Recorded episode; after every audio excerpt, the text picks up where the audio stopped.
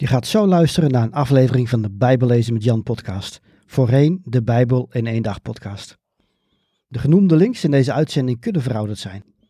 Kijk op bijbellezenmetjan.nl of in de omschrijving van deze aflevering voor meer informatie over hoe ik mensen en kerken kan helpen met het lezen, begrijpen en geloven van de Bijbel. Welkom bij de Bijbel in één dag podcast. Mijn naam is Jan Heijnen. Ik ben auteur van het boek De Bijbel in één dag. Ik geloof dat de Bijbel Gods woord is en dat we allemaal deel uitmaken van zijn verhaal. De Bijbel is ook een vreemd boek soms. Ik help christenen de Bijbel te lezen, te begrijpen en te geloven. Op de Bijbel in één dag.com kun je het e-book De Bijbel in één dag gratis downloaden. Ook kun je de paperback bestellen of je inschrijven voor een van mijn cursussen of seminars. Oké, laten we met de aflevering beginnen. En we zijn aangekomen bij de zogeheten poëtische boeken. Het eerste boek dat we behandelen is het boek Job. Job is zeker niet een van de makkelijkste boeken om te lezen, maar wel een van de meest integrerende. Misschien is het jammer dat wij de Bijbel in onze eigen taal moeten lezen en dat niet in het oorspronkelijke Hebreeuws kunnen. De grondtekst is namelijk prachtig poëtisch.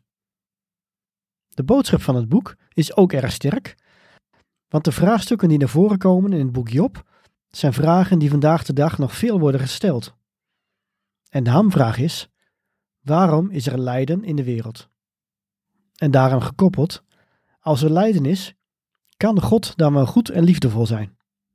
Het verhaal van Job speelt zich af ergens in de periode van Genesis in een land ver van Israël. Job is dan ook geen Israëliet. Job is een goede man, een soort Noach. Hij is rechtschapen, onberispelijk, heeft ontzag voor God en mijt het kwaad. Hij leefde zoals God dat van de mens verlangt. God zegent hem rijkelijk met een vrouw, zeven zonen, drie dochters, vee en allerlei andere bezittingen. Na deze introductie van Job krijgen we plotseling een unieke inkijkje in de hemel. We zien hoe God zijn engel om zich heen verzamelt. Er is één wezen bij, dat wij meestal de duivel noemen. Zijn naam wordt hier niet genoemd, maar de auteur van het boek noemt hem Satan. Dat betekent aanklager. En God vraagt aan Satan of hij tijdens zijn ronde op aarde ook Job heeft gezien. En deze kwaadaardige engel grijpt zijn kans om Job in de problemen te brengen. Natuurlijk eert hij u, zegt hij tegen God. U geeft hem immers zoveel. Als u dat van hem afpakt, zal hij u vervloeken. God lijkt zich te laten uitlokken. Hij geeft Satan de vrije hand om alles van Job af te pakken inclusief zijn kinderen, zolang hij maar niet aan Job zelf komt. Dat leidt onmiddellijk tot een groot dilemma. Waarom staat God dit toe? Is het lijden van de mens een spelletje voor de Heer? En als lezer wil je snel verder om te kijken hoe deze vragen worden beantwoord. In het begin zondigt Job niet. Tenminste, niet meteen. De Heer heeft gegeven, de Heer heeft genomen. Geprezen zij de naam van de Heer, is Jobs beroemdste uitspraak uit deze eerste hoofdstukken. Zijn vrouw moedigt Job echter aan om God te vervloeken, maar hij weigert dat. Liever aanvaardt hij het kwade. Dan komen vier vrienden op bezoek. En als ze het leed zien van Job, zwijgen ze een week lang. Wat we tot nu toe hebben besproken is de introductie van het boek, de eerste twee hoofdstukken. Of die vrienden letterlijk zwegen of dat ze wel spraken, maar niet over wat Job was overkomen, dat weet ik niet. Maar na die zeven dagen kan Job zich niet langer inhouden. Hij vervloekt de dag dat hij is geboren. En vanaf dat moment ontspint zich een lange discussie tussen Job en zijn vrienden. Daarin staan drie vragen telkens centraal. Ten eerste, heeft God een rechtvaardig karakter? Ten tweede, heerst God op basis van rechtvaardigheid? En ten derde, als God rechtvaardig is en heerst op basis van rechtvaardigheid, waarom moet Job dan lijden? In de oudheid, dus ook in de tijd van Job, gingen mensen ervan uit dat als je goed deed, de goden je zouden belonen, en als je kwaad deed, dat je daarvoor gestraft zou worden. Job wordt dan ook boos als zijn vrienden zeggen dat hij wel moet hebben gezondigd. Job houdt vol dat hij onschuldig is en dat zijn leed niet is omdat God hem straft. Dat klopt ook, want de Bijbel introduceert Job als een rechtvaardig persoon die kwaad maait en God eert. Maar op een gegeven moment wordt Job de discussie met zijn vrienden zo zat dat hij zich in al zijn emoties rechtstreeks tot God richt. Hij zegt dat hij deze God niet meer herkent. Ik hoopte op het goede, maar het kwade kwam. En hij houdt vol dat hij volstrekt onschuldig is en hij daagt God uit rechtstreeks tot hem te spreken. Dat gebeurt niet direct, want eerst begint een jonge vriend te spreken. Deze man heet Elihu en die maakt een punt dat nog niet eerder is genoemd, de Job en de drie andere mannen. Hij zegt dat het lijden misschien niet is vanwege zonden die al begaan zijn, maar om mensen te waarschuwen die in de toekomst wellicht zullen zondigen. Of misschien gebruikte God het lijden wel om mensen sterker te maken. Elihu geeft toe dat hij niet weet waarom deze rampspoed Job getroffen heeft. Hij is er wel van overtuigd dat Job God niet mag beschuldigen. Dit is het einde van het debat tussen Job en zijn vrienden. Job die reageert niet meer en het lijkt erop dat een mens het mysterie van het lijden niet kan ontrafelen.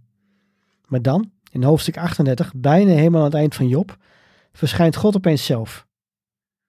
Vanuit een heftige storm spreekt hij met Job.